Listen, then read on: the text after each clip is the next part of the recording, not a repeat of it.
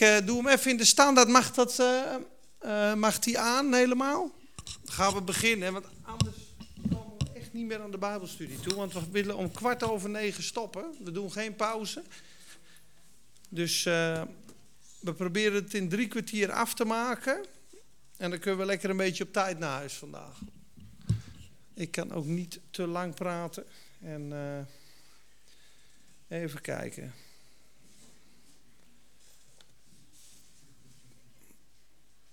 Loopt de band ook, eh, Mark?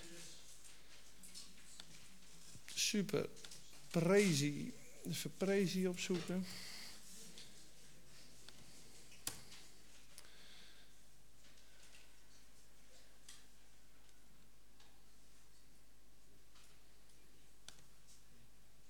Ja, hier heb ik hem. Even mijn Bijbel. Wil iemand nog een glaasje Ja, we beginnen met een paar nuggets uit de psalm over lofprijs. Zit je te lachen? Nuggets from the Psalms. Kijk, hier beginnen we. Psalm 9, vers 1. Gewoon om even een inleiding en een basis te leggen wat lofprijs is. Het woord praise in het Engels natuurlijk staat 234 keer in de Bijbel. De hele Bijbel in de 66 boeken, maar natuurlijk in de psalmen 132 keer. Ook met het woord aanbidding. Dat vind je natuurlijk continu in de psalmen. En uh, we gaan kijken hoe ver we komen. Psalm 9, vers 1. Ik zal de Heer loven, ik zal de Heer prijzen met mijn hele hart. Ik zal al uw wonderen vertellen. Als de Bijbel zegt, lofprijs moet met het hele hart. Prijs u met het hele hart. Gaan we naar Psalm 22. Dus even een leuke inleiding. 22, vers 26. Daar staat over lofprijs. Van u zal mijn lof zijn in een grote gemeente. Mijn gelofte zal ik nakomen in het bijzijn van wie hem vrezen, van wie hem zoeken. De zachtmoedigen zullen eten en verzadigd worden. Wie de Heere zoeken, zullen hem loven. Zie je dat? Wie de Heere zoeken, zullen hem loven. Wie de Heere zoeken, zullen hem prijzen. Dus iemand die bidt, die God zoekt, dat is iemand die automatisch lofprijst. Ze zeggen eigenlijk is bidden is het, is het inademen van Gods geest en het uitademen is dan het woord, de lofprijs en de aanbidding, dat volgt daar eigenlijk op. Iemand die geen gebedsleven heeft, heeft ook eigenlijk geen eh, leven van lofprijs. Dat is een inheel en exheel. Dan hebben we Psalm 33, vers 1. Het is een normaal christelijk leven, heb ik erbij gezet. Zingt vrolijk in de Here, rechtvaardige, want lofzang en lofprijs past de oprechte. Dat past, de oprechte. Dat hoort erbij, dat is normaal. Doe ik er nog één? Nee, nog twee. We doen er nog twee. Psalm 50, vers 23. Wie dank offert, wie lof offert, die eert God, die eert mij. Lofprijs eert God. Dus het is met je hele hart, het is een resultaat van gebed. Het is normaal voor een christen om God te prijzen. Het is iets goeds om God te prijzen. Psalm 92 is een goed iets om de Heer te prijzen. Wie prijst, wie God prijst, die verheerlijkt God. In Psalm 100 wil je binnenkomen in de poort van God, geestelijk. Die poorten, die ga je bidden door dankzegging en met lofprijs. Ga zijn poorten binnen met een lofoffer en zijn voorhoven met een lofzang. Loof hem, prijs zijn naam, want, want de Heer is goed. Zijn goede, goede tierenheid is voor eeuwig. Zijn trouw van generatie op generatie. Dus je komt bij Gods tegenwoordigheid door lofprijs. Dat zijn eventjes de, de begindingen. Mag ik de volgende? Dan wil ik vier mooie situaties uit de Bijbel lezen. Waarschijnlijk zijn de meeste van jullie kennen ze al. Ik hou me even vast, is toch wel makkelijker. Is wel lekker, uh, Mark, zonder, uh, zonder draad, zonder snoer. Zo'n ding. Heerlijk. En de eerste is, velen van ons kennen dat stuk al, maar toch gaan we dat lezen, is Handelingen 16. En ik raad je aan om gewoon een telefoon te pakken of een Bijbel. Ook mijn zwaag. Al top. Maar als je meeleest, doet het je veel en veel meer. Anders zijn het maar woorden die door de lucht heen vliegen. Handelingen 16, vers 23 tot 34. En dan zie je dus een verhaal. Nanny had dus ook heel veel mooie verhalen. Dit is ook een verhaal in de Bijbel van Paulus. Wat gebeurt er nadat ze wat meegemaakt hebben? Paulus en Barnabas die hebben gepreekt in Handelingen 16. En er is een waarzeggende geest, een vrouw met een geest van Python staat er in het Grieks. En die zegt, dit zijn mannen van de Allerhoogste God, die verkondigen u de weg der zaligheid. En die, dat schreeuwden ze de hele dag. En op een gegeven moment was Paulus het zat. En hij keek haar strak aan en hij zei, ga uit haar vandaan, geest. En die geest verliet haar en het gewin wat ze haar meesters opleverde, want ze had een waarzeggende geest, dat was weg. Het was een grote rep en roer in de stad. En Paulus en Barnabas, Paulus en Silas, dat weet ik nu eventjes niet wie dat zijn. Volgens mij Paulus en Silas, ja. Die werden opgepakt en werden in de kerken gezet. En dan lezen we in vers 24, laat ik maar eerst eventjes kijken, dat is nog mooier. 23. En nadat zij hun veel slagen toegediend hadden, wierpen zij hen in de gevangenis en geboden de cipier hen zorgvuldig te bewaken. Toen hij dat bevel gekregen had, wierp hij hen in de binnenste kerker en zette hij hun voeten vast in het blok. Moet je nagaan. En omstreeks middernacht. Moet je nagaan, ze zijn echt vele slagen hebben ze gehad. Hè? zijn opgepakt, zitten in de binnenste kerker. Pikken, pikken, donker, ratten, alles loopt er. Voeten in het blok, kapotgeslagen ruggen. En in plaats van zeuren, in plaats van zelfmedelijden, zingen zij Gods lof. En omstreeks middernacht baden ze Paulus en Silas. Zie je, dat mooi, hè? Wat hadden we net gezegd? Wie de Heeren zoeken, zullen prijzen. Wat doen ze eerst? Ze bidden. Ze bidden tot God.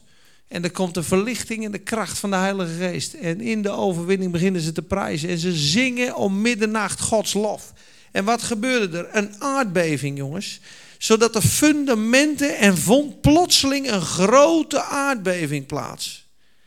Aan en de gevangenen luisterden naar hen, hè, staat in het, in het vorige vers. Lofzangen, meervoud. En er vond een plotseling een grote aardbeving plaats, zodat de fundamenten van de gevangenis bewogen werden. En onmiddellijk, zie dat? Plotseling en onmiddellijk gingen alle deuren open en raakten de boeien van alle los. Zie dat dit geestelijke principe is? Alle deuren gaan open die dicht zitten en alle kettingen gaan los door lofprijs. Dat is wat. Alle deuren open, alle kettingen los door lofprijs. In wat voor een situatie? En je moet nagaan de lofprijs voor God hoe, hoe zwaarder je het zelf hebt, hoe waardevoller voor God de lofprijs is. Boven op de berg met het zonnetje in je gezicht is het prima om God te prijzen. Halleluja.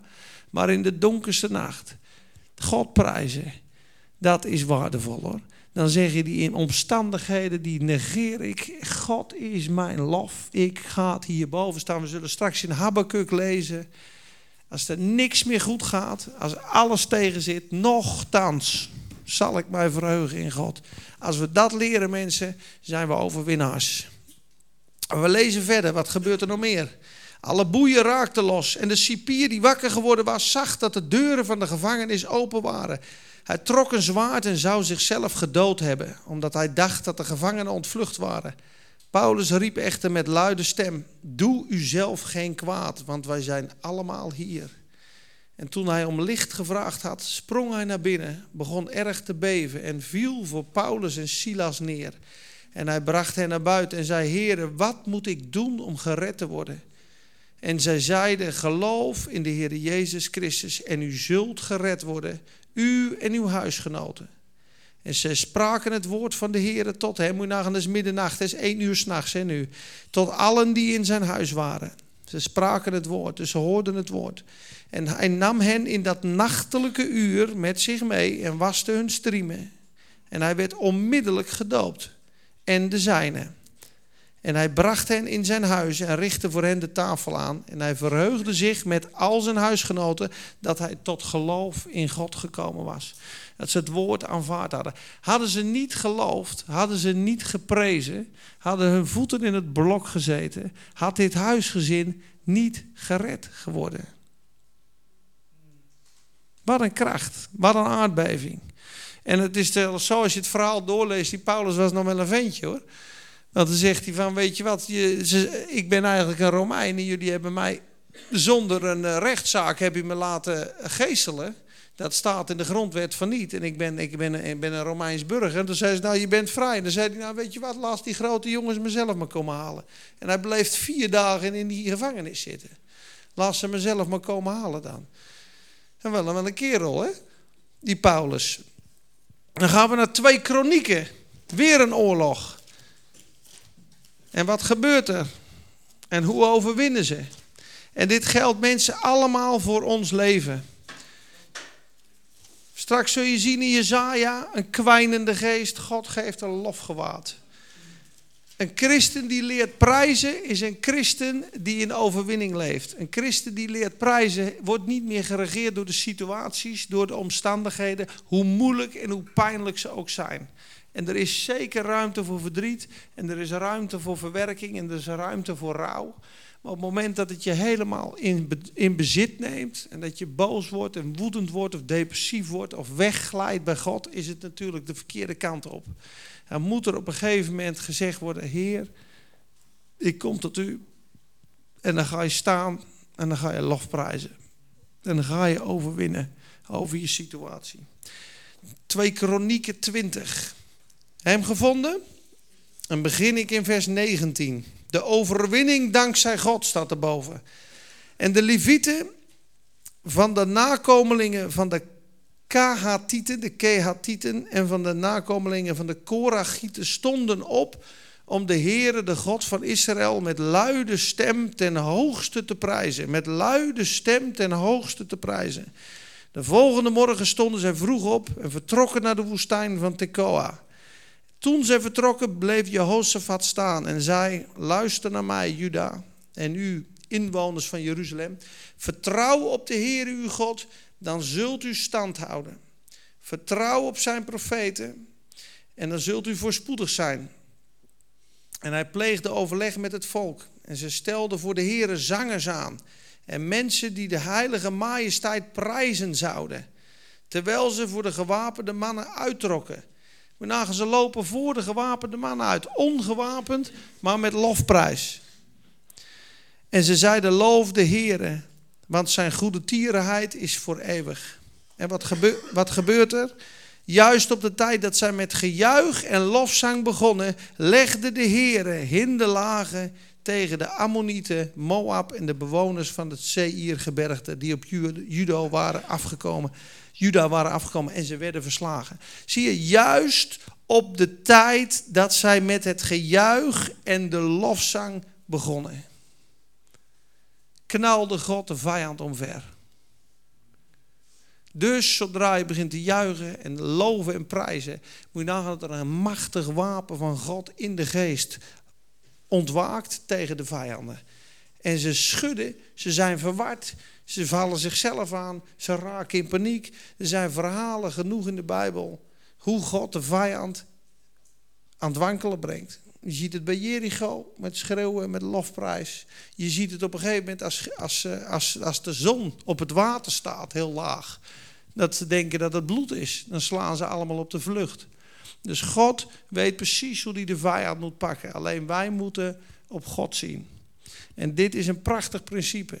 Alle kettingen waren weg, alle deuren waren open, mensen tot geloof. Hier zie je, het hele leger is verslagen. Hinder, hinderlagen door de Heer gelegd. Prachtig hè? Nou, Psalm 42, die kennen de meeste van jullie, die sla ik even over vanwege de tijd. Nou, Psalm 42, dat gaat over iemand die het heel zwaar heeft. Wat, wat zijt gij onrustig, mijn ziel? Dat is voor jullie ook wel een mooie psalm misschien. als je het zwaar hebt, wat ben je onrustig? Uh, wat, buig je, wat buigt u zich neder, mijn ziel? Als je depressief bent. Nochtans, ik hoop op God, ik zal hem nog loven. En dan zegt hij, ik ga in het zwart vanwege de onderdrukking van de vijand. Dat kunnen we echt hebben. En toch is weer lofprijs de uitkomst. Ik wil naar Habakkuk 3. Dat is aan het eind van het Oude Testament, een beetje. Leren jullie wat? Of is het allemaal gesneden koek? Ken die het al? Heer, we prijzen u. We prijzen u, heren. U verslaat onze vijanden als we u prijzen. Halleluja. U bent machtig, Heer. Habakkuk 3, van 17 tot 19. Moet je nagaan als alles tegen zit, wat hij doet. Al zal de vijgenboom niet in bloei staan. Al zal er geen vrucht aan de wijnstok zijn. Al zal de opbrengst van de olijfboom tegenvallen. Al zullen de velden geen voedsel voortbrengen. Het is allemaal geestelijk, hè? Vijgenbomen, is geen gerechtigheid, geen vrucht aan de wijnstok. Als er geen vreugde is, de olijfboom, de kracht van de Heilige Geest. De Heilige Geest ervaar ik niet.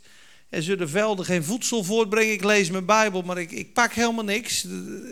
Ik heb geen voedsel. Het kleinvee uit de kooi verdwenen zijn. Mensen lopen weg bij God. Geen rund meer in de stallen. Weet je, alles geestelijk zit tegen. Ik zal dan toch in de Here van vreugde opspringen. Ik zal mij toch verheugen in de God van mijn verlossing en mijn heil. De Heere, Heere is mijn kracht. Hij maakt mijn voeten als die van de hinde en doet mij treden op de hoogte. Weet je wat dat is? Hinde, voet in de hinde, treden op de bergen is gebed. Hij zal me opdoen stijgen op de berg. Boven de berg is altijd in de visie, is altijd in het gebed.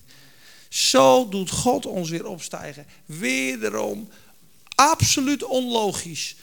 Situatie alles tegen. Iedere normaal denkende mens zou murmureren, zou kwaad zijn, zou zijn vrienden bellen, zou vertellen hoe slecht het allemaal ging, wat er allemaal wel niet aan de hand is. En hoe meer je dat doet, hoe meer ongeloof je opbouwt. Maar wat een andere reactie. Nochtans van vreugde opspringen in de Heer. Dat is de Bijbel. Dat is tegennatuurlijk. Dat is bovennatuurlijk. Tegennatuurlijk, bovennatuurlijk. Zegend wie u vervloeken. Tegennatuurlijk, bovennatuurlijk. Doe goed aan die u haten. Tegennatuurlijk, bovennatuurlijk. Komt zegen hoor. Komt echt zegen hoor als je dat doet. Je bent niet meer te raken door de Satan. Hè? Moet nagaan dat hij de hele hel op je afstuurt en dat jij je gaat zitten verheugen in de Heer. En dat de Heer dan eh, dat, en de, de wraakactie op hem voldoet. En dat jij vol zegen naar een nieuw seizoen gaat en opgroeit. Wat een kwelling voor de vijand. Wat een kwelling voor de vijand. En christen die zich, die zich verheugt. Volgende. Volgende screen, uh, Brother Curl. Oude tijger. Oh ja, dit is ook mooi. Dit zijn hele mooie sleutels. Dit zijn hele mooie sleutels. Wat nou als het me gewoon echt niet lukt? Het is allemaal mooi wat je vertelt, Peter. Het is mooi wat er in de Bijbel staat, maar ik ben zo te neergeslagen. Ik ben zo moe. Ik ben zo overweldigd met de situatie. Ik weet dat ik moet prijzen. Ik weet dat ik moet loven. Dat God dat zegt, maar het lukt me niet. Ik ben helemaal overweldigd. Dan heb je hier een paar hele mooie tips. En ik denk dat de eerste. En niet, dat is denk ik 52. Even kijken. Even kijken, sorry hoor. Hmm.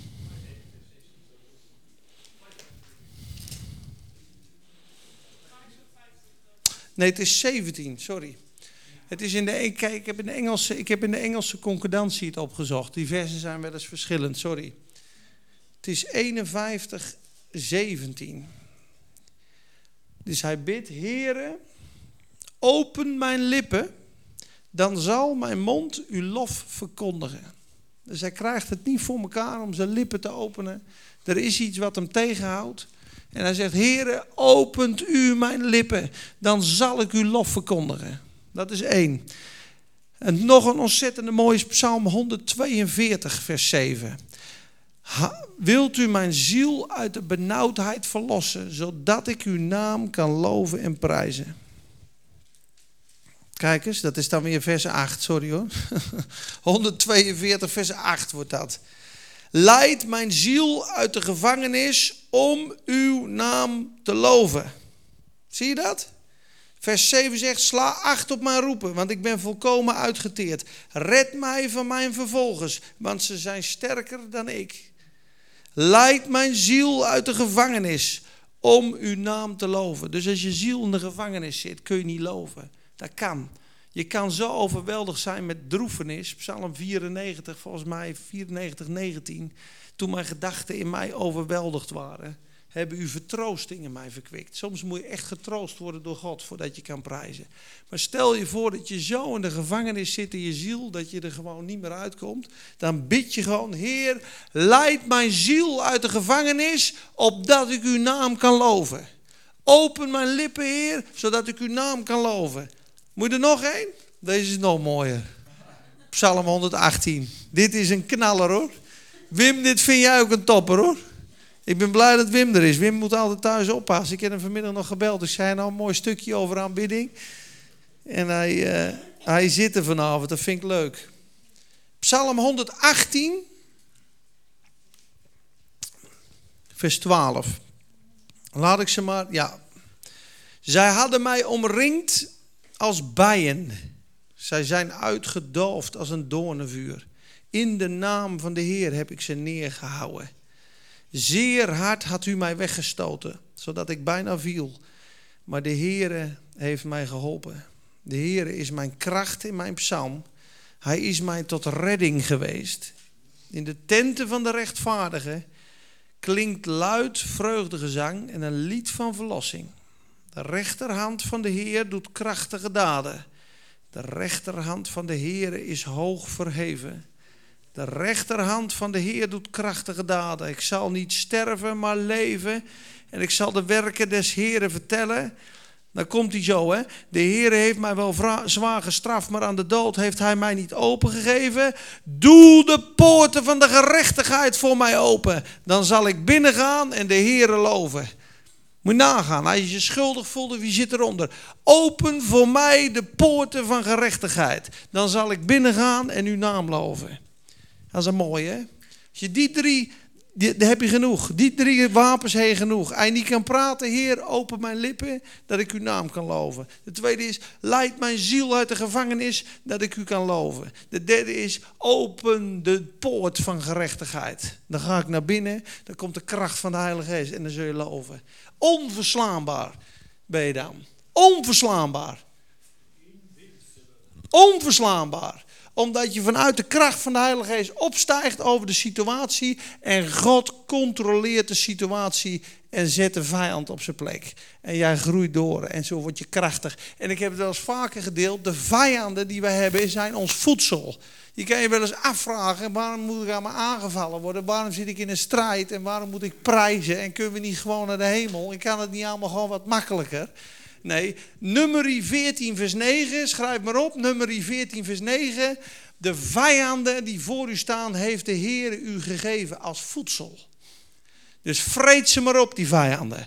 En daar word je sterk van, daar word je groot van. En zo pak je ze en zo groei je ook geestelijk. Dus Satan is jouw tegenstander, maar uiteindelijk is het doel waarom Satan God, uh, God Satan geschapen heeft, is om je steeds dichter bij God te brengen.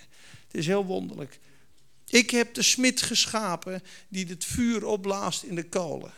Ik heb hem geschapen. Ik heb de verderver geschapen. Maar geen enkel wapen wat tegen jou gesmeed wordt, zal enig iets uitrichten. En elke tong die jou veroordeelt, stel jij in het ongelijk. Dit is jouw erfdeel als dienstknecht des Heren. En mijn gerechtigheid je gerechtigheid is uit mij, zegt de Heer. Dus geen enkel wapen zal iets uitrichten wat tegen jou gericht is. En toch heb God die smid gemaakt. Maar wat doet de smid? De kolen in het vuur om tot wapentuig te zijn. De Satan vervolgt jou en je enige reactie kan zijn: Heer, help mij. Je komt dichter in God, je wordt sterker in God en je eet je vijand op. En uiteindelijk ze zeggen zelfs, als je zou zien waarom God de Satan heeft geschapen, zou je juichend, zou je juichend God prijzen. Zou je zeggen, wat een dom wezen. Hij wordt door God gebruikt en hij brengt me eigenlijk steeds dichter bij God. De vervolging brengt ons steeds dichter bij God. Hoe moeilijk het ook te begrijpen is. Maar dan krijg je geestelijk inzicht. Vraag het maar aan de Heer. Dan zal je teksten geven. Ja, ik wou naar dat stuk gaan en die kreeg ik van Wim ook en ik had hem zelf ook opgeschreven vanmiddag. Dit is echt een geweldig mooi stuk, Psalm 149. Iedereen die Jezus Christus in zijn hart heeft, die gewassen is in het bloed, die is volgens de Bijbel een heilige. En die heiligen, die hebben een voorrecht. En dat voorrecht is dat ze de oordelen van God over de vijanden mogen uitspreken. En dat zij een wraak mogen oefenen, koningen mogen binden en het recht te voltrekken. Dit zal de glorie zijn. Lees maar eens Psalm 149, vers 5 tot 9. Laten zijn gunstelingen of laten zijn heiligen om die eer opspringen van vreugde. Laten zij vrolijk zingen op hun slaapplaatsen. Gods lofzangen klinken uit hun mond. Een tweesnijdend zwaard is in hun hand, dat is het woord, om wraak te oefenen over de heidevolken. Bestraffingen over de natieën, om hun koningen te binden met ketenen en hun aanzienlijken met ijzeren boeien, om het beschreven recht aan hen te voltrekken. Dit is de gunst en de glorie van al zijn heiligen.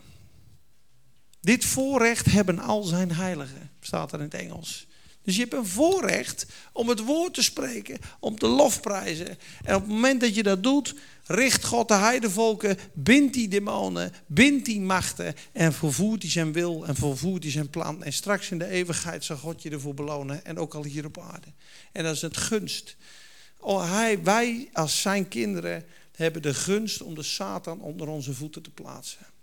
God wacht tot de Satan als zijn voetenbank wordt. Hebreeën 10 en Pre 10. De Satan wordt verslagen door de kinderen van God. Dat is ons erfdeel. Satan wordt vernietigd door de gemeente heen. Dus hij moet bang zijn voor ons en niet andersom. Wij zijn in de hemelse gewesten. Satan is onder onze voeten. Maar zodra je dat niet weet, ben je onder zijn voet. En zodra je niet weet wie je bent en je bent er onzeker over, ben je een speelbal van demonen. En dat ben ik ook lang geweest. Als je niet weet wie je bent, moet je nagaan dat we jullie hypnotiseren vandaag. Dat Maria komt morgen op de zaak en we hypnotiseren dat ze de werkster is. En de Satan die komt binnen, die zegt, eh, ga je die vloeren eens even zemen. En die zal zeggen, even dat geld allemaal aan anders overmaken. Ik ben hier de baas. Ze zou ze als een, als een speelbal gebruikt worden. Maar als ze zou weten wie ze zou zijn, dan zou ze zeggen, dan zou ze zeggen ga je binnen twee minuten de zaak niet verlaten. Dan komt de ME. En dan word je afgevoerd. Nee, maar ik bedoel maar te zeggen, als je niet weet... Ja?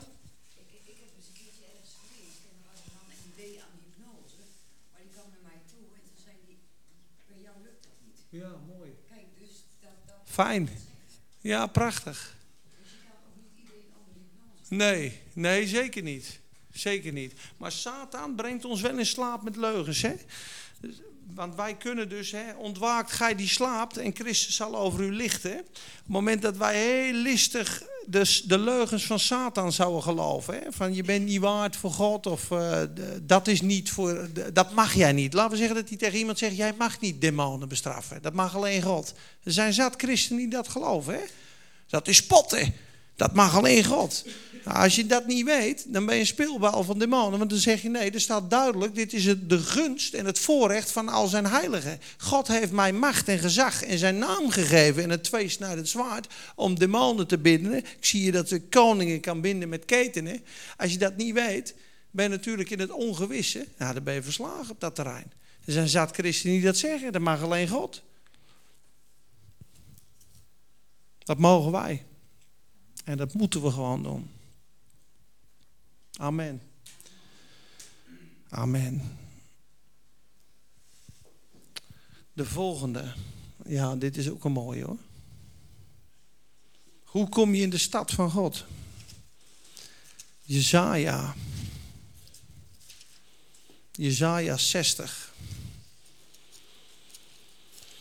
Je moet nagaan. Vroeger, dan, we hebben de tabernakel gehad, dan zit je in de je bent buiten, dan ben je een zondaar. Dan kom je binnen, dan ben je tot Christus. Dan ga je danken, loven, prijzen. Dan kom je in de voorhof. En dan kom je bij het wasvat. En op een gegeven moment ga je in de tempel. Iedereen die hier is, iedere christen behoort een priester te zijn en een koning. Staat in openbaring, staat op in, in 1 Petrus 2. Alle christenen zouden effectieve christenen moeten zijn. Ik las van de week in een boek van Watchman hoe dat ontstaan is dat er lagen zijn gekomen in de kerk en dat er op een gegeven moment passief volk is en actief volk. Het is eigenlijk gekomen de tijd van Constantijn, zei hij, toen het een nationale godsdienst werd. Iedereen was christen en iedereen, werkelijk iedereen kwam de kerk binnen. Constantijn had dat georganiseerd, ook halfgelovigen en nepgelovigen. En er waren ook heel veel echte en ook onechte. Dus die onechten die waren helemaal niet geestelijk. Dus die hadden helemaal niet het verlangen om God te dienen. Ze hadden posities in de wereld en ze deden dat gewoon met de verkeerde motieven. Dus die geestelijke taken konden ze helemaal niet. Dus er werd op een gegeven moment gezegd: doen jullie, doen jullie die geestelijke taken wel, dan doen wij die taak wel. En uiteindelijk zijn de priesters gekomen die werkelijk de Heilige Geest hadden, die zijn gaan dienen en de rest is een beetje apathisch geworden. En dat systeem is, is gewoon ontwikkeld. Hè. Op een gegeven moment werd het exclusief, de Bijbel werd exclusief, niet meer voor het gewone volk. Je kreeg bisschoppen, kardinalen, interregionale kardinalen. En het volk is steeds passiever gezet. En nu zie je dat soms nog, dat er is één spreker en er zitten duizend mensen te luisteren. Dat is mooi. Het is fijn dat je, dat je een keer een preek ontvangt, maar uiteindelijk moeten al die duizend mensen moeten effectief en geestelijk worden. Opgroeien. Allemaal effectief in de bediening. Priester, koning, profeet, evangelist, herder, leraar.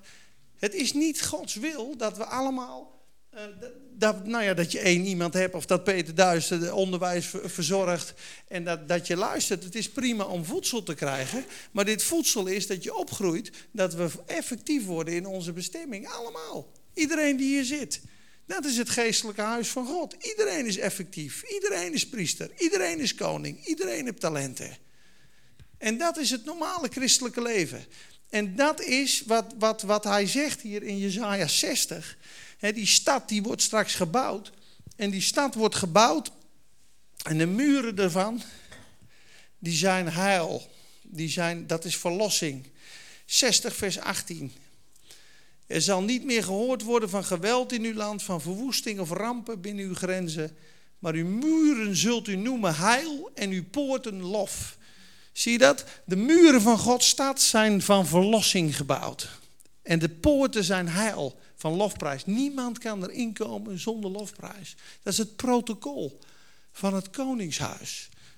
Als je nou naar Maxima of naar Willem-Alexander gaat, dan is er een protocol. Je kan niet in je oude kloffie even zonder begeleiding daarheen. Er moet iemand zijn die je daar binnenbrengt. Nou, lofprijs en de Heilige Geest brengt je binnen. Je, niemand kan in de stad van God zijn zonder opnieuw geboren te zijn. Die poorten, die muren, die zijn van verlossing. Nou, ik zei net over de tabernakel, je begint in die voorhof. Maar als je dus een priester wordt, die gaat dienen, die komt in, de, in het heilige. Die gaat die kandelaar, die gaat licht in zijn leven krijgen. Die krijgt die broden, hier heb je een kandelaar. Die eet de toonbroden, die krijgt voedsel vanuit het woord. Dat is het volgende stadium. Het diepere stadium waar we straks naartoe gaan. Want dit is, dit is een inleiding, die lofprijs. Dankzegging zegt God is goed. Dankzegging beërft de zegen. Dankzegging gelooft dat het gedaan is. Een van de mooiste dingen voor een christen om te zeggen is: Dank u Heer. Dank u Heer, want uw woord zegt dat ik vergeven ben. Dank u Heer voor het kruis. Dank u Heer voor de overwinning. Dank u Heer. Zet je vrij van jezelf. Dank u Heer zegt, ik ontvang iets. Dank u Heer zegt, ik doe het niet zelf. Dank u Heer zegt, snap je wat dank u is zijn goedheid. Dat brengt je binnen. Dan lofprijs Prijzen is zijn grootheid, zijn overwinning. Ik prijs u voor uw grootheid. Ik prijs u, u bent goed. Het zet geloof vrij. Ik weet dat God goed is. Ik zie het allemaal niet. De situatie zegt het niet, maar diep in mijn hart, diep in mijn wezen heb ik te veel meegemaakt met God om te weten dat hij niet goed is. Hij is goed. Dat woord zegt het. Vorig jaar heb ik dit meegemaakt en dit en dit en dit. Nu zie ik het niet. Ik heb drie maanden zwaar. Maar ik prijs God, want ik weet dat hij goed is. Dan kom je nog een level dieper. Dan kom je in dat heilige. Maar straks gaan we door dat heilige der heiligen. Dan kom je in een aanbidding. En dat is het diepste plek. En daar wil God ons hebben. En de lofprijs baant de weg voor de aanbidding.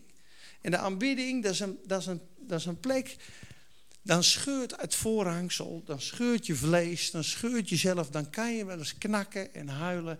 En de gebedstaal is dan tranen en snikken. Dan zie je God en dan, dan zie je gewoon, ik ben maar een zielig, zwak hoopje mens. Ik heb het allemaal niet in kan en kruiken.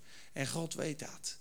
En God weet dat. En dan gaan alle dingen af. Intimiteit gaan je kleren ook af. Dan gaan alle, alle dingetjes gaan af.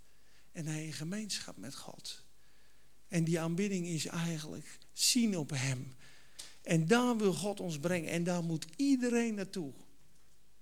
En op het moment dat iedereen daar is, heb je een machtig leger. Dat zijn God kent, dat looft, dat prijst en dat overwint. En dat beërft het plan van God. Een collectief overwinnen. Het zou droevig zijn als het maar 10 of 15 procent daar komt van de christenen en de rest blijft steken. Amen. Kijk, nog een mooie. Genezing en bevrijding. Hè, daar houden we allemaal zo van. Maar hoe beërf je het? Moet je kijken wat er staat. Hè? Jeremia 17, vers 14.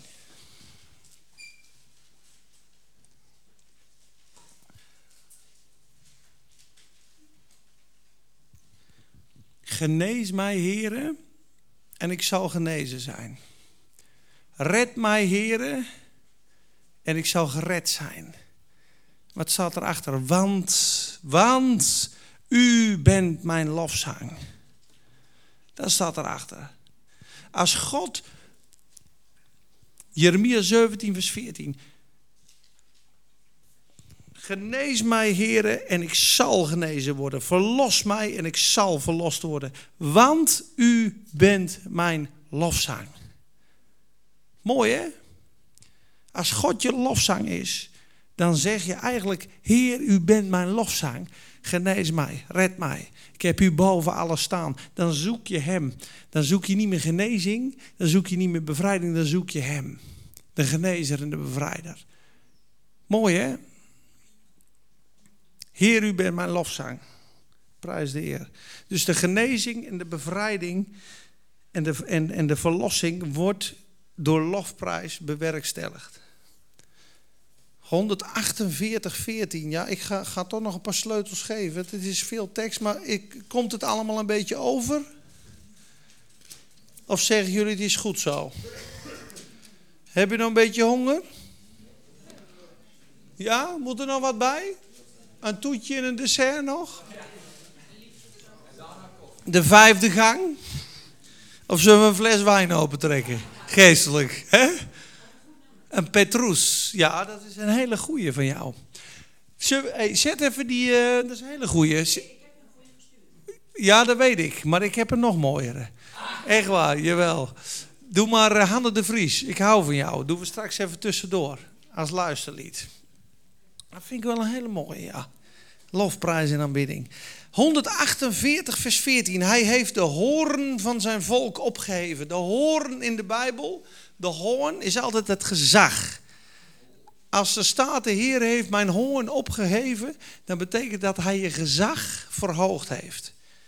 Dus dat de kracht en de impact op je stem, op je woorden, op je werk, je invloed wordt dan vermeerderd door God. Hij heeft mijn hoorn verhoogd. Hij heeft de hoorn van zijn volk opgeheven, de roem van al zijn gunstelingen, van de Israëlieten, het volk dat nabij hem is. Zie, hier zie je de autoriteit van zijn volk heeft hij opgeheven, komma, de roem van zijn heiligen. Dus de roem, roemen in God, lofprijs in God, doet, is, is de autoriteit van de christen. Zie je dat? Het is moeilijk te zien, maar het, is, het staat er echt. Hij heeft de hoorn van zijn volk verheven, de roem van zijn gunstgenoten.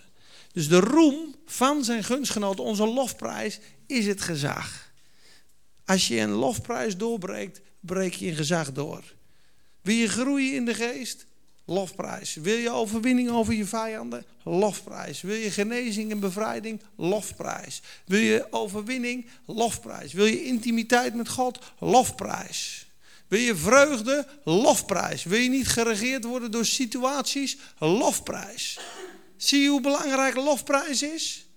En laten we bidden dat het terugkomt ook in Spakenburg, jongens. Want we zingen psalmen, maar we prijzen nog niet met blijde galm, hoor.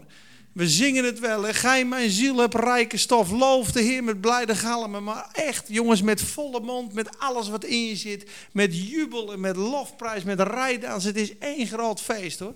Echt, echt, ik, ik meen het serieus. Ik vind het, ik vind het nog heel terughoudend op heel veel plaatsen. Echt de lofprijs en het feestvieren terug mag komen. Jongens, echt waar. Als Nederland scoort in de finale, schreeuwt iedereen. Hey, jongen, ik, ik rende vroeger zes keer in mijn huis tegen de muren op en neer als ze scoorden. Gewoon 20 meter muur, muur, muur, muur, muur. En ik belde iedereen op. Oh, je moet doen. Oh, zag je dat, zag je dat, zag je dat. Maar hoe vol ben je ervan? Hoe vol ben je ervan? Ja, ik hoop dat we zo vol van God worden. Roemen in God, heb ik erbij gezet. Zet dat nummer maar aan en dan gaan we daarna eh,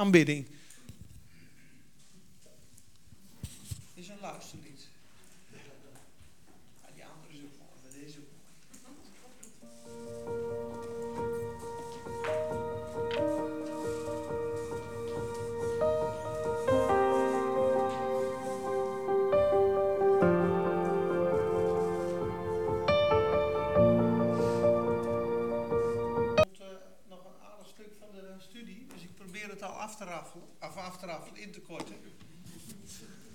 Volgende keer, uh, sorry. De volgende is uh, een stuk van de aanbidding. Kijk. Lees ik voor. Kijk, aanbidding gaat in heiligheid, gaat in vrezen, gaat in ontzag. En dan kom je echt. Aanbidding draait eigenlijk alleen om God zelf, om wie Hij is. Je aanbidt God om zijn grootheid, om zijn daden. Je dankt hem om zijn goedheid, wat hij allemaal doet. Maar aanbidding is wie hij is. Ik aanbid u voor wie u bent. Voor wie u bent. En ik ben aanbidding, het woord aanbidding staat zelfs zoals een hond. Ja, dat klinkt een beetje apart, maar zoals je je neerlegt met je hoofd in het stof en je bukt en de hand. Oh, de hand, sorry, de ja, sorry, ik ben heel apart gewoon aan het praten. Nou, nou. Maar dat je je neerlegt en buigt in het stof en zoals een hond over een hand zou likken, dat staat er gewoon hè, in die vertaling. Zo kus je eigenlijk de hand en de voeten. Het is eigenlijk, ik ben niks, u bent alles. Het is een hele nederige houding als je iemand aanbidt. En kijk maar naar popsterren die aanbeden worden. Die mensen zijn, ja, die worden... Iemand die een popster aanbidt, die doet alles. Die weet alles, die gaat naar alle concerten.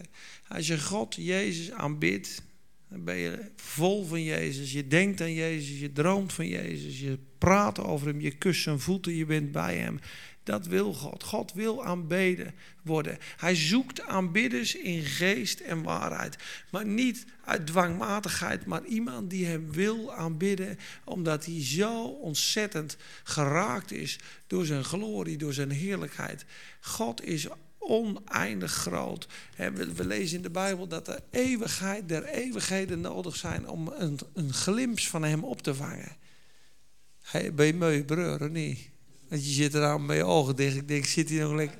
Nou, je bent wel lekker aan het lusteren. Heerlijk. Nee, fijn. Nee, maar uh, moet je nagaan, de, de gerubs om zijn troon, hè, die, die zeggen heilig, heilig, heilig.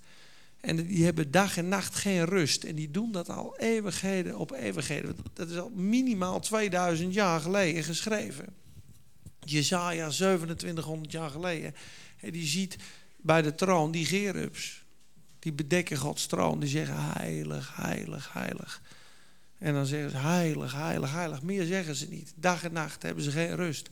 Nou, daar, zeggen, zeggen ze dus van dat God is zo oneindig en zo heerlijk en zo mooi en zo schoon. Dat elke keer als ze een nieuwe laag van Gods schoonheid zien en zijn heiligheid, zeggen ze heilig, heilig, heilig. En ze gaan de hele eeuwigheid door. Zo oneindig is God. Dat kunnen wij nu niet begrijpen.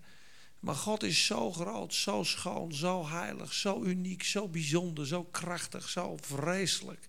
Zo ontzettend te vrezen. Dat als je daar glimpsen van opvangt. Weet je, het eeuwige leven is Hem te kennen. Hem te kennen is het eeuwige leven. Hem te zien. We willen wel Jezus zien. Ik, weet je, op een gegeven moment staat er ook, hè, bij, bij het dochtertje van Johannes staat er... Zij werden in een trance geslagen met mega-extase. Mega-extasis staat er. They smacked into a trance. Ze werden geslagen in een trance met mega-extasis. Dat was toen Jairus' dochtertje opgewekt werd. Moet je nagaan dat dat, dat kind daar ligt en dat iedereen zit te huilen en, en ze slaapt en ze lacht hem uit. En die komt dan met haar terug. Wat een impact. En zij loofde God. Nou, die impact, dat zegt Jezus. That you may marvel, zegt hij een paar keer. Dat u zich mag verbazen om de grootheid van God. En ze gaven God de eer en de lof vanwege zijn grootheid. Nou, dat is mijn gebed, dat is mijn verlangen. En dat is ook wat God wil. Dat, dat we eigenlijk alleen maar gericht zijn op Hem. Want daar draait het hele heelal om. Dat is het alles. En we zijn nog met heel veel andere dingen bezig waar we onze onze zaken zoeken. En daarom, dat moet God ons gewoon van verlossen. Linksom of rechtsom. Maar als we beginnen met Hem, kan je van je vrouw genieten en je kinderen genieten op een goddelijke manier. En dan is het heel anders. Dan is het, je vrouw is niet belangrijker dan God, maar je hebt het van God gekregen. Maar dat is, dat is een hele gezonde balans. Maar we moeten helemaal captured en in beslag genomen worden van de heerlijkheid en de glorie van God. En dat wilde Mozes ook. En dat, dan komt ook de vrees in je hart, dan komt ook de godsvrucht. Psalm 5, vers 7. Ik hoop dat het in deze vertaling het goede vers is. Nee, het is vers 8. Ik zal echter door uw grote goede tierenhuis uw huis binnengaan. Dus de grote liefde van God. Mij buigen naar uw heilig paleis in vrezen voor u. Psalm 5, vers 8. In vrezen voor u, in diep ontzag buig ik mij voor God. Psalm 29, vers 2. Nog een nugget van aanbidding. Openbaring is natuurlijk een boek van aanbidding. Hè? Geef de Heere de eer van zijn naam. Buig u voor de Heer neer in zijn heerlijk heiligdom. Buig u neer. We hebben vorige keer gezien dat toen Jezus verzocht werd dat hij Deuteronomium 6, vers 13 aanhaalde. Gij zult alleen de Heer uw God vrezen en hem zult gij dienen. Dat hij daar het woord aanbidding gebruikt.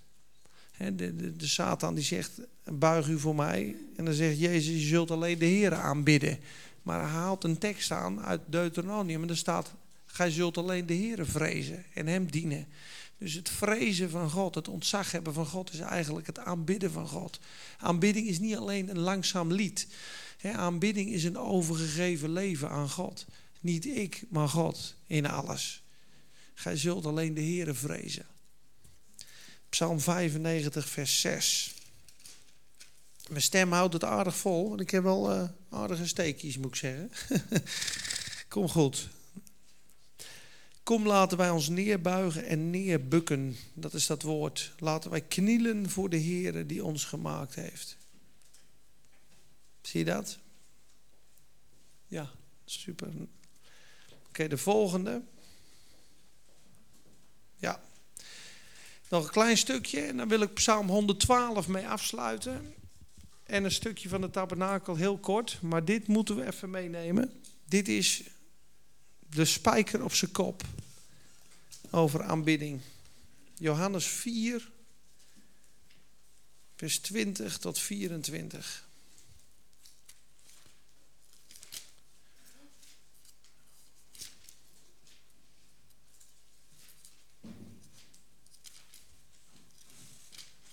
En deze prezi, deze presentatie, die staat gewoon online. Hè? Die zet ik gewoon op Facebook. Hoef je niet meer naar de site, kun je gewoon alle teksten nalezen. Deze staat gewoon open online. En die kan ik gewoon uh, straks al in de appgroep zetten. Mocht je de teksten na willen lezen. Johannes 4, vers 20. En het geheim is, weet, weten niet veel mensen, maar het geheim van dit is, je kan pas God ontbidden als je gedronken hebt van het levende water. Hij praat met de vrouw bij de put Geef mij dat water te drinken. En daarna gaat het over aanbidding. Dat is geen toeval. Tenzij je gedronken hebt van het levende water, kan je aanbidden.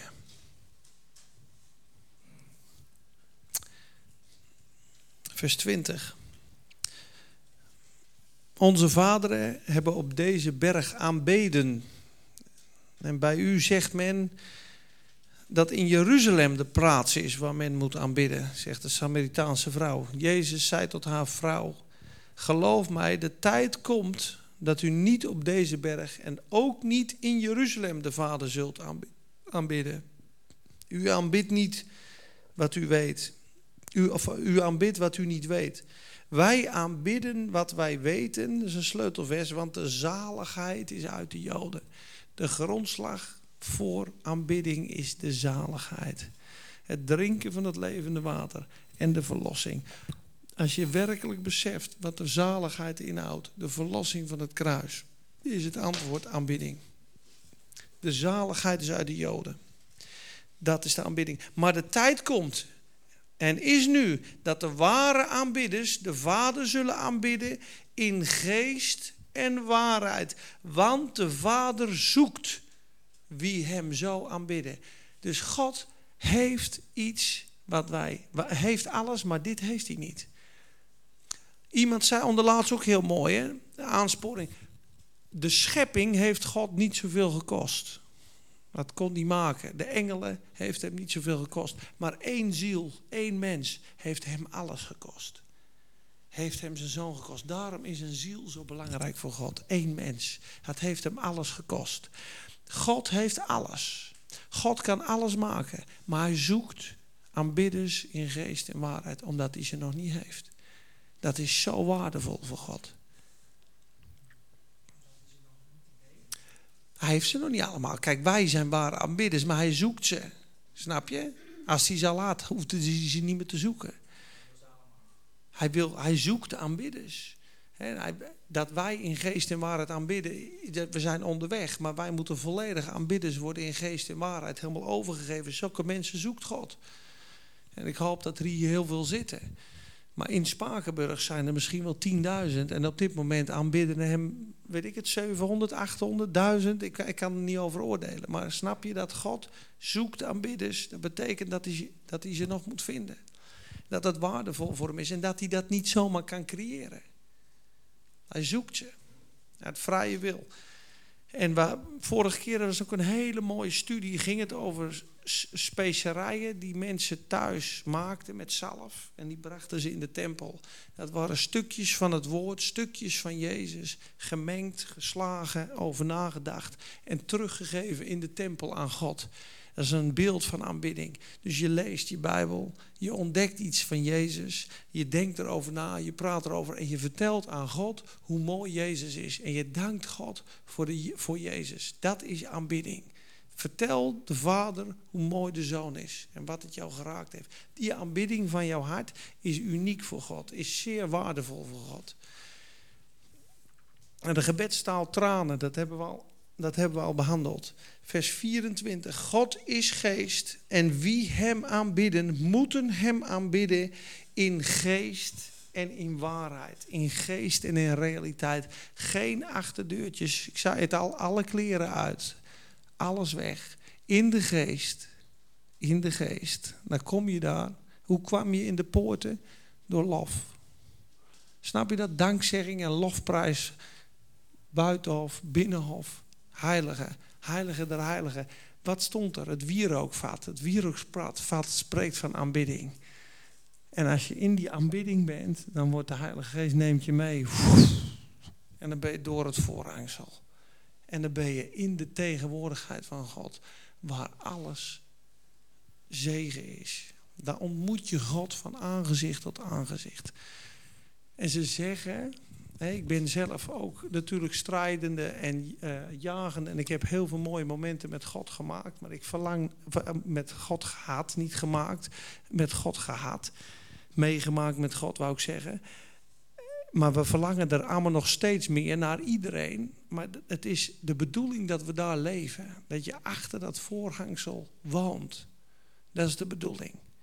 Dat je opstaat s morgens, dat je God prijst, dat je God dankt, dat je je overgeeft en dat je in die intimiteit blijft. Daar was Jezus en daar proberen we veel te zijn. Maar op het moment dat je daar bent, kun je er niet eens meer uitkomen. Iemand die daar vaak komt, die zegt dat is zo dik, Gods tegenwoordigheid is dan zo dik op je, dan kom je er, de hele dag kom je daar, daar kom je gewoon niet uit. Zo bijzonder is dat. En dat, is, dat kost een prijs. En dat kost een prijs van het afleggen van alles wat niet geest is. Dat is vlees moet eraan, ziel moet eraan, want God wordt aanbeden in de geest. Alles wat niet waarheid is. Alles wat niet echt is. Al je mooie uh, opgepoetste dingen moeten eraan. In geest en waarheid is in geest en waarheid. En dat zoekt God en zo wil hij aanbeden worden en zo moeten we hem aanbidden. En dat is, en dat is de vrezen, dat is eigenlijk de vrezen des Heren. Amen. Kijk, ik had nog een mooi plaatje en dan wou ik afsluiten met Psalm 112. Omdat dat ook, we moeten ook de zegening van het vrezen van de Heer moeten we behandelen. De lofprijs is overwinning, maar die aanbidding, dat is het vlees is weg, dan is alles weg en dan is God het enige wat telt. En Heer, ik dank u wel dat u ons daar gaat brengen, meer en meer. Het geluk van de oprechter staat erboven, Psalm 112 en alle zegeningen zitten erbij. Halleluja. Welzalig de man die de Heere vreest of die de Heere aanbidt. Die grote vreugde vindt in zijn geboden. Zijn nageslacht zal machtig zijn op de aarde. Het geslacht van de oprechte zal gezegend worden. In zijn huis zal bezit en rijkdom zijn. Ik heb eens mensen gesproken, christenen mogen niet rijk zijn en dat kost je alles. Wat staat hier? Iemand die de Heere vreest. In zijn huis zal bezit en rijkdom zijn. Zijn gerechtigheid houdt voor eeuwig stand. Voor de oprechte gaat het licht op in de duisternis. Hij is genadig en barmhartig en rechtvaardig. Goed gaat het de man die zich ontfermt en uitleent.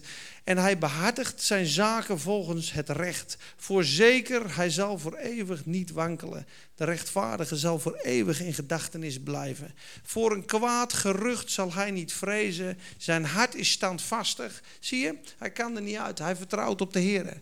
Zie je een kwaad gerucht en de ander is van slag. Hij blijft totaal rustig. Zijn hart is geworteld in God. Zijn hart wordt ondersteund. Hij zal niet bevreesd zijn totdat hij de val van zijn tegenstanders ziet. Hij deelt mild uit. Hij geeft aan de armen. Zijn gerechtigheid houdt voor eeuwig stand. En zijn hoorn, gezag, zal met eer opgeheven worden. Zie je dat? lofprijs, gezag. God verhoogt je. Wat een mooi leven. Amen. Vader, we danken u voor dit woord. We danken u, Heer, dat u in ons hart het diepe werkt. Heer, maak onze aanbidders in geest en waarheid. Dank u, Heer, dat u ons deze les hebt geleerd, Heer, over dankzegging, over lofprijs en over aanbidding. Heer, wij willen ons openstellen voor uw leiding, Heer. En we willen zeggen tegen u, we houden van u. En we willen aanbidders zijn in geest en waarheid. En we willen u dienen in alle dingen, Heer. Maak ons los waarvan we aan vastzitten. Neem de sluiers weg, Heer. Heer, en we bidden zoals de psalmist dat zo mooi zei. Open voor ons de poorten van gerechtigheid. Dat we naar binnen gaan en uw naam zullen loven. Heer, en neem ons mee door uw geest. In de aanbidding naar het heilige der heiligen, waar we u ontmoeten mogen. Heer, ik bid het uit over ieder die hier is en ook over mezelf. In Jezus' naam. Amen. Goed, mensen. We zijn aan het einde gekomen van deze avond. Ik mag u allemaal uh, een heerlijke nachtrust toewensen. Jou vooral. Ja. Zijn er trouwens nog vragen misschien?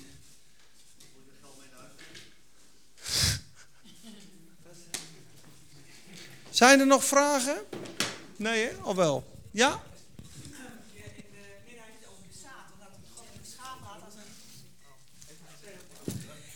Uh, in het begin had je het over, uh, of in het begin van, over de, dat je de Satan geschapen had, God geschapen had als een, een, bepaald wezen. Ik weet niet. Maar of een niet goed wezen of zo. Maar ik denk, God, als je in Ezekiel leest, staat dat God hem geschapen heeft als prachtig en met alle. Ja, maar ik denk dat ik het verkeerd begrijp. Maar zo kwam het een beetje op mij over. Dus. In het begin was hij goed geschapen. Maar hij heeft ook de verderver geschapen. Nadat hij gevallen is natuurlijk. Nee, maar dat, dat klopt. Ezekiel 28 en uh, Jezaja 14. Dat staat dat hij absoluut volkomen en volmaakt was voor zijn val. Het was een overdekkende gerub. Maar Satan is uiteindelijk uh, gaan rebelleren. En God... Heeft God dat dan geschapen of is dat zijn eigen hoogmoed van de Satan geweest? Ja, hij heeft zich gewoon verhoogd, verhoogd, tuurlijk. Zijn eigen hoogmoed. Dat staat er. Dat staat er. Lees maar Ezekiel 28. Er staat gewoon dat hij zichzelf... Uh... Nee, dat zou van God heel onrechtvaardig zijn, denk ik. Ja, ik maak. Nee, maar God heeft na zijn val. Kijk, ik bedoel, God gebruikt ook valse leraars om de gemeente te zuiveren. Er staat in Judas. Dat snap ik wel, maar ik ga een beetje moeite met van. Het, hij heeft de verderver geschapen. Dat staat er, hè? Jezaja 54, vers 16. Ja. Ja, dus het klopt allebei. Kijk, er staat, wat, nog een heel moeilijk punt is, dat zijn mijn vader onderlaatst.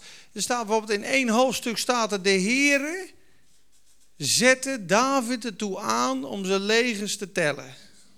Ja, en een ander hoofdstuk staat, en de Satan nu porde David op om zijn legers te tellen. Dan denk je, nou, wat slaat dit nou op? Maar God gebruikte Satan om tot zijn doel te komen.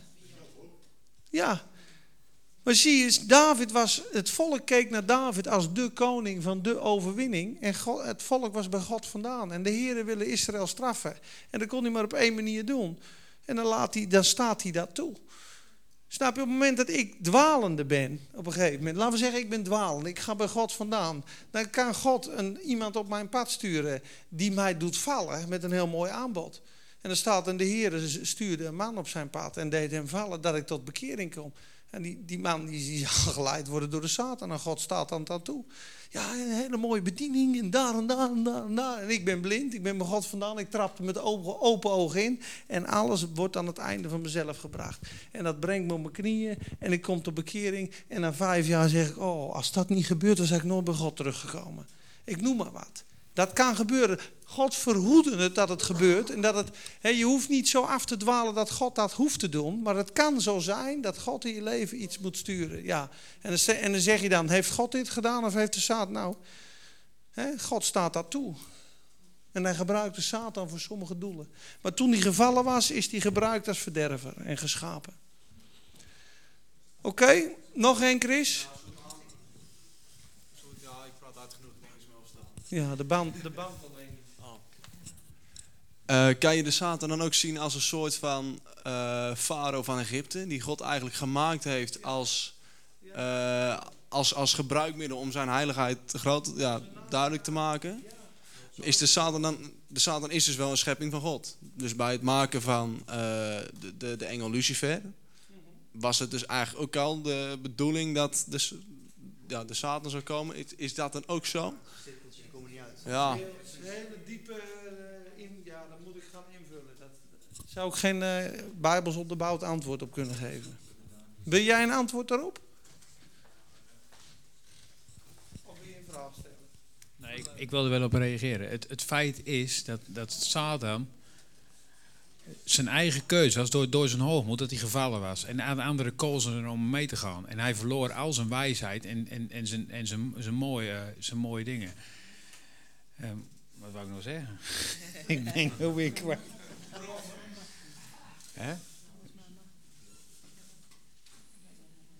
Nou, ik weet het niet meer. Dat, laat me zitten. Ik zal een leugengeest zijn in de profeet. En God zegt goed. Ja, nou weet ik het wel. Dat zijn dingen die heel moeilijk. Maar een feit... Maar een feit is dat Satan zijn plek verspeeld heeft aan jou.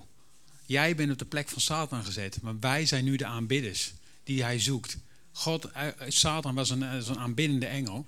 En die is, die is zijn plek kwijtgeraakt. En wij zijn nu de aanbiddende kinderen. En daarom is Satan zo enorm uh, jaloers op je. Ten eerste ziet hij een beeld van Jezus in jou. En ten tweede zie je, heb jij zijn plek in eeuwigheid ingenomen. Om hem in eeuwigheid te aanbidden. Maar de vraag van Chris is moeilijk te beantwoorden wat dat betreft.